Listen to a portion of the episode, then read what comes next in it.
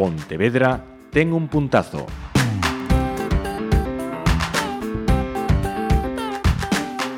Eh, acaba de decir eh, un dos nosos eh, convidados. Temos un puntazo. E que mellor, efectivamente. Pontevedra ten un puntazo e diso eh, do que vamos a falar eh, nos seguintes eh, minutos. Con permiso do Concelleiro Demetrio Gómez. Hola, bons días eh, vou a presentar a, a estrela do puntazo desta ocasión sí. que é Víctor eh, Flores. Benvidos a estes micrófonos. Hola, bons días. Polo que estaba a escoitar a este intenso día de hoxe en Pontevedra. Pois sí, a verdad que sí, temos un día de, de, de moita actividade, cada charla no, no puntazo que, que bueno, pois que vamos a dar pola tarde ao redor de do marketing nas industrias culturais, Imo... eventos de noite, bueno, temos un Imos diálogo así. Primeiro presentamos a, ao convidado do, do día, é Pontevedrés, é de Nigrana, o sea, que un nome que coñece perfectamente eh, esta, esta cidade, esta comunidade, eh, e o mundo, o, os mundos, porque son varios nos que, nos que traballa eh, estudiou xornalismo aquí en Santiago. Sí. Pero o, o xornalismo casi que eh, quedou o que se entende como xornalismo informativo, ¿no? do día a día. No, non foi o, o Sí, o que... a verdad que sí, porque xa o, antes incluso de rematar a carreira estaba colaborando con medios, pero eh, sempre con medios eh, ao redor da cultura e da música. Entón, uh -huh. pois, bueno, o, digamos, o xornalismo de noticias e máis generalista sí que quedou un pouco de lado. Uh -huh. Foi sempre polo campo da música. Ajá. Uh -huh. Eh, xestor cultural. Eh, si nos ponemos en modo en modo diccionario, eh, dígase da persona que se adica a Bueno, unha definición moi amplia, pero bueno, pois a facer programacións, no, no meu caso a facer programacións eh, culturais, a maioría orientadas ao mundo da música pois para diversas marcas e, e institucións, non? Eh, e, uh -huh. e bueno, pois facer un pouco eso de mediador, de comisario, moitas veces de asesoramento, pois de eso, marcas e institucións que queren facer un proxecto alrededor da música, o mellor non saben exactamente pois como dimensionalo. Eh, bueno, pois aportar un pouco ideas e, e creatividade ao redor de, deses proxectos. Ajá. Uh -huh. Demetrio, Hola, eh, que en que vai consistir, como decía, esa intensa xornada de hoxe que comeza ás 8 da tarde na Casa da Luz?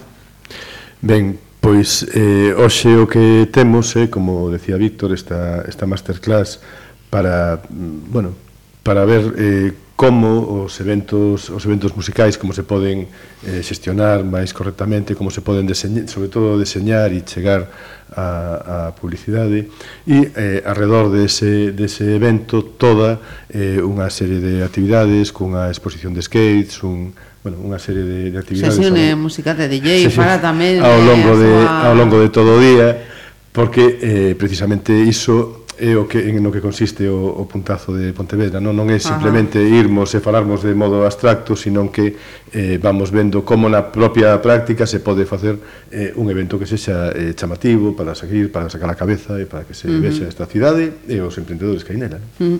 Teño entendido que mm, vas facer un, un mapeo da, da industria eh, cultural.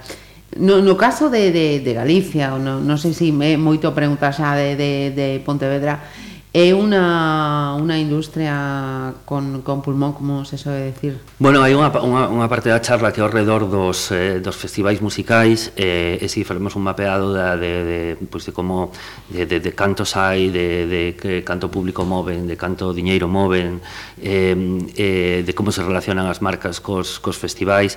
Eh, bueno, a verdad que No meu caso, levo 12 anos fora de Galicia, acabo de voltar para pasar pois en principio ata, ata o verán ou así, despois quen sabe. Entón estou un pouco reconectando ainda que nunca perdín os, os contactos e, e bueno, pois sigo eh, moitos dos, dos festivais que, que se fan aquí, por exemplo, os festivais Rías Baixas de feito, bueno, eu son membro fundador, fundador do, do Sensal, exacto. Uh -huh. eh, entón, bueno, pois eh, sempre estiven pendiente do que ocurría aquí, agora estou empezando pois un pouco a recabar máis datos, a, a falar ca xente dos festivais, a ver un pouco como é eh, como é o impacto dos festivais na eh, pois na escena cultural en, en Galicia realmente queda, sí, están están funcionando, hai festiva, festivais eh, que, que, que xa fan bastante ruido fora de Galicia, pero todavía uh -huh. falta eh, sobre todo, pois, bueno, falta público, falta máis comunicación, falta, a veces é difícil comunicar o que ocurre aquí, non? Pois eh, somos máis periféricos e que chegue a outros sitios. Uh -huh. eh, e bueno, un exemplo que, que, que vamos a ver esta tarde pois é, por exemplo, pois Portamérica eh, eh, o Psinsal, o Marisquiño en Vigo, o uh -huh. Flop aquí en Pontevedra, bueno, pois pues festivais e eventos que se diferencian de, de outros que teñen unha singularidade e gracias a eso pois pues, eh, sí que consiguen un pouco sacar a cabeza e eh, uh -huh. eh, pois pues, aparecer e ter unha cobertura, por exemplo, nacional en medios e moitas veces internacional, ¿no? Uh -huh. De feito, eso, que temos o, o verán completo con esas festivas da, da, das Rías Baixas, e que, e que teñen xa eh, un, un peso, unha forza, un recoñecemento moi, moi importante. Precisamente falando de, de, de festivales, eh, quería eh, preguntarnos aí se si, si a idea a impresión é equivocada. Son eh, agora mesmo un, un sustituto máis exitoso dos, eh, dos concertos, é eh? unha fórmula con moito máis éxito que o simple concerto dun artista? Sí, bueno, moitas veces, eh, de feito, os promotores musicais, sobre todo de salas, as asociacións de, de, de promotores de, de salas de música en vivo, sí que nos últimos anos se queixaban un pouco de, de, de ese baixón, non? Porque ao final, pois, eh, na maioría dos casos, quitando tres ou catro festivais, eh, pois, eh, que son donde os abonos son son bastante máis caros, pois falo de Primavera Sound, de, de Sonar e demais, pero senón hai festivais realmente moi asequibles, tipo un Arenal Sound que tes en unha semana de música, pois decenas de concertos por un precio moi asequible, entón sobre todo para o público máis xoven, para o público universitario, é unha boa maneira de eh, de ver os seus grupos favoritos, con un custo moi moi reducido, ¿no? En uh -huh. as entradas normalmente das xiras en salas son máis caras, é dicir, moitas veces eh, pois pues, bueno, pues dúas entradas de un grupo, digamos, medio alto internacional, o coste de dúas entradas dun concerto deles e o abono dun destes festivales, uh -huh. non? Entón, sobre todo a, a xente máis xove, estudiantes, a xente que non que non ten un, que non ten pois eh, pois que non ten, non ten traballo ou que non ten os recursos suficientes, pois obviamente unha maneira de, de ver a maior cantidade de grupos, dos teus grupos favoritos, eh, nun, nun espacio reducido, hai que sumar tamén a experiencia, uh -huh. que moitas veces conta, experiencia de playa, experiencia de camping, experiencia de amigos e demais, demais. Uh -huh. eh, claro, en, en, engadir outras uh, propostas que non só sexan uh, musicais, uh -huh e que dan ese, ese, ese valor o, Exacto, sí, a convocatoria. Eh, bueno, nos últimos, eh, despois de varios anos de, de, de bastante sufrimento por parte dos promotores musicais, nos últimos dous anos parece que hai unha recuperación, eh, sobre todo de, da atención do público ás, ás salas, de todos os xeitos ser promotor e, e sobre todo comprar unha xira, xa non falo de grandes xiras de estadios, senón de uh -huh. salas medias de entre 1000 e 2000 personas, é moi uh, é moi arriscado agora mesmo uh -huh. en España e en Galicia tamén. Eh, é realmente inda que, que inda que xogues con nombres con nomes potentes, pois eh, sempre hai un risco de que non funcione ou de que funcione, pero que ao final quedes un pouco comido por servido, non? Que uh -huh. o, o habitual. Mira, eh, cambiando tamén a outro ámbito que ti eh, co coñeces eh, o, o marketing eh, a día de, de hoxe eh, una, una empresa, unha iniciativa que non estea eh, con presencia en internet, en internet ou redes sociais eh, é proxecto fallido? Pff, bueno, depende do campo e do territorio onde te movas, pero eu diría que na maior parte dos casos e desde logo no, no, no mundo da cultura e da música sen, sen dúbidas é unha boa estrategia de comunicación editorial e de comunicación eh, digital e un posicionamento adecuado ne, nese territorio é moi difícil penetrar e, sac, e, eh, e, eh, eso, e, e eh, sacar a cabeza un pouco por encima do resto das, das iniciativas, do resto da competencia, do resto de, de, de, de empresas. Eh, realmente eu creo que xa non vale ademais un plan mm, conservador típico eh, habitual de, de marketing, unha comunica, comunicación convencional, senón que hai que buscar, e, de feito esta tarde vamos a ver algún exemplo, de, de campañas e de iniciativas que, que foron por, por un pouco polos territorios diferentes uh -huh. aos canais habituais de, de, pois, pues, de prensa, radio, televisión, redes sociais, etc. Ou polo menos o plantexaron dunha maneira diferente pero sí, a verdade é que me costa moito pensar agora mesmo en crear unha empresa e non, e non ter unha boa estrategia digital, sobre todo en redes. Non? Uh -huh. e, e do patrocinio e as fórmulas eh, público-privadas, que tamén, tamén tes experiencia ne, nese caso? Eh, bueno, por sorte as, cousas, as cousas están cambiando eh, Todavía eh, falta avanzar nas leis de mecenazgo e demais Pero, pero bueno, tive a sorte de, de, pues de, de liderar un proxecto que foi un pouco exemplo dese patrocinio público-privado que foi a nave de música de Matadero, Madrid, uh -huh. o Centro Cultural E, e bueno, foi unha iniciativa que mentras funcionou nos tres anos que, que, que funcionou, pois foi un, a verdade que un modelo interesante de como unha marca pois pode colaborar con unha institución sen ser demasiado intrusiva, sen canibalizar a propia identidade desa institución e, e a súa programación, digamos que ter as, as decisións de programación, de dirección compartidas e demais, nese momento o equipo que estaba en, en Matadero pois eh, realmente foi moi fácil traballar con eles. E bueno, despois o proxecto pois finalizou, o final do, do convenio foi unha pena que non se seguira, pero bueno, ás veces esas cousas uh -huh. son difíciles de continuar, pero mentras mentras funcionou realmente foi un, un exemplo que, bueno, pois pues, eh, tanto en canto a convocatoria de público, sobre todo como modelo de xestión, pois, bueno, que a veces viñen uh -huh. xente de, de, de, de outros centros culturais de toda España, incluso de fora, pois a ver como traballábamos e demais, pois eh, foi unha experiencia moi moi moi moi inspiradora. Uh -huh. E realmente creo que un pouco eh, por donde se pode seguir eh, na colaboración entre empresa eh, e institucións culturais máis alá dun simple pois, patrocinio ou ser mecenas dun museo, uh -huh. no? que é o que sole pasar cas, cas grandes corporacións. Enfocando xa nesa, nesa liña, falando desta iniciativa do Concello de Pontevedra, eh, Pontevedra tene eh, un puntazo. É frecuente, é habitual ou é innovador tamén que, que unha administración pública sexa a que eh, facilite esas ferramentas ás industrias eh, culturais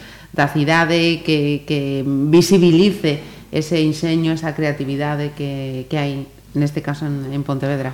Pois a verdad que non, eh, non me, non me teño encontrado con, con iniciativas similares a esta. A verdad que cando, cando me presentaron e me contaron pois, un pouco en que, en que consistía me pareceu super interesante, eh, me pareceu eh, importante, necesario, eh, e sobre todo que, bueno, pois máis, eh, digamos, pois, me, Me, máis satisfacción me deu pois foi que isto se fixera en Pontevedra, non? Na miña na miña terra. Entón pois eh, pois vamos, estou encantado de de participar e sobre todo tamén vendo todo o que se fixo anteriormente. É difícil encontrar eh unha iniciativa da administración na que se asesore sobre todo os emprendedores máis xoves que moitas veces tes ideas pero non sabes como canalizalas uh -huh. non sabes como chegar a encontrar os, a topar os recursos necesarios eh, non sabes como comunicar a túa idea é realmente algo que non se ve moi a, por desgracia non se ve moi a, moi a miúdo uh -huh. Eh, agora xa no, no cemento, como decías antes, pero como ex responsable da, da área da xuventude que é principalmente eh, da que estamos a falar como... como a verdade é que, o que do que falamos aquí realmente é dunha cuestión de modelo, ¿no? de modelo uh -huh. de traballo que, que aplicamos en moitos ámbitos da nosa acción de goberno e, por suposto, tamén tamén neste. Eh, é evidente que en Pontevedra hai unha materia prima, digamos, hai un, unha cantidade de creatividade de xente moza, de xente con, disposta a imaginar proxectos novos con, como ti decías, dificultade para poñelos en marcha, pois porque falta financiamento, porque faltan medios ou porque falta formación. Eh, por outra parte, temos un, unha acción de goberno na que nos, unha das cousas que máis nos orguñecemos é de confiar nas, nas posibilidades que oferta a cidade ou que dá o país e sermos conscientes de que con, con isto que temos somos quen de sacar o país adiante. Uh -huh. Entón, xuntando as dúas cousas, sai o, sai o puntazo, non? esa confianza no, no povo, na xente, ou neste caso, na xente máis nova, máis creativa e con máis gañas de tirar para adiante. Iso posto en práctica tivo algunhas experiencias na, na, na Concellería de Xuventude, pero eh, xa na, na Concellería de Promoción Económica, co Puntazo, co Pontapestor, con este tipo de iniciativas, por suposto, dá froitos, é, é obvio que dá, que dá froitos, non hai máis que confiar na xente. Uh -huh. eh, Víctor, xa no oído o musical xa, postos na, na mesa o de DJ xa é unha cuestión casi de, de, de curiosidade miña como, como é isto? Bueno, pois pues, eh, levo pues, pinchando facendo música e, bueno, eh, organizando eventos ao, ao redor da música pois uns 20 anos ou así eh, eh, primeiro de maneira máis intensa cando tiña pois a residencia no Clube Vademecum en Vigo e tal uh -huh. e despois bueno, pois pinchando en festivais e en salas un pouco de, de toda España e, e fora, no?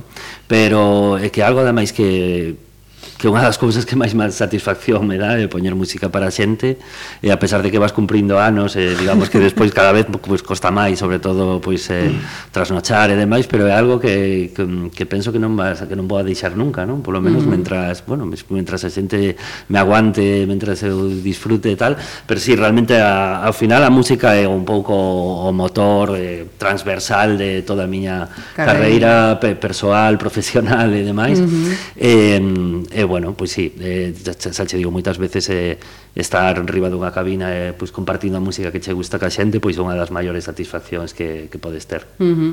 eh, alguén che dixo alguna vez que tes certos rasgos con Guetta, precisamente? Con quen? Con Guetta, o ah. DJ tamén.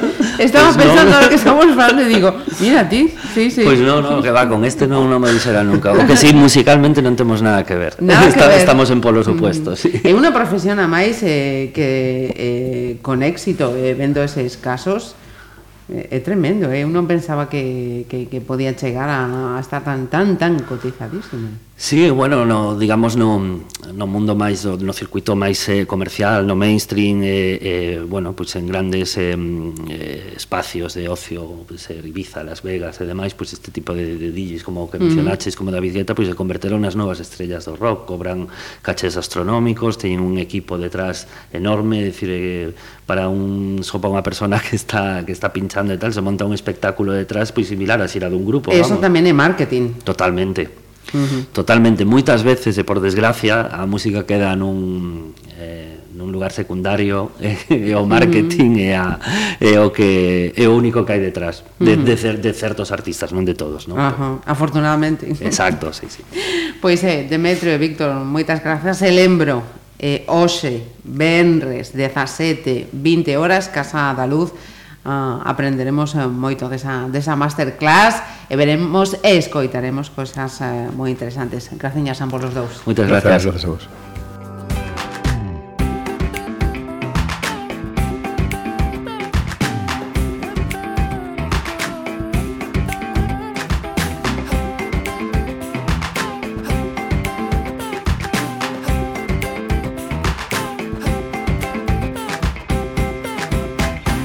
Pontevedra Viva Radio. Ah.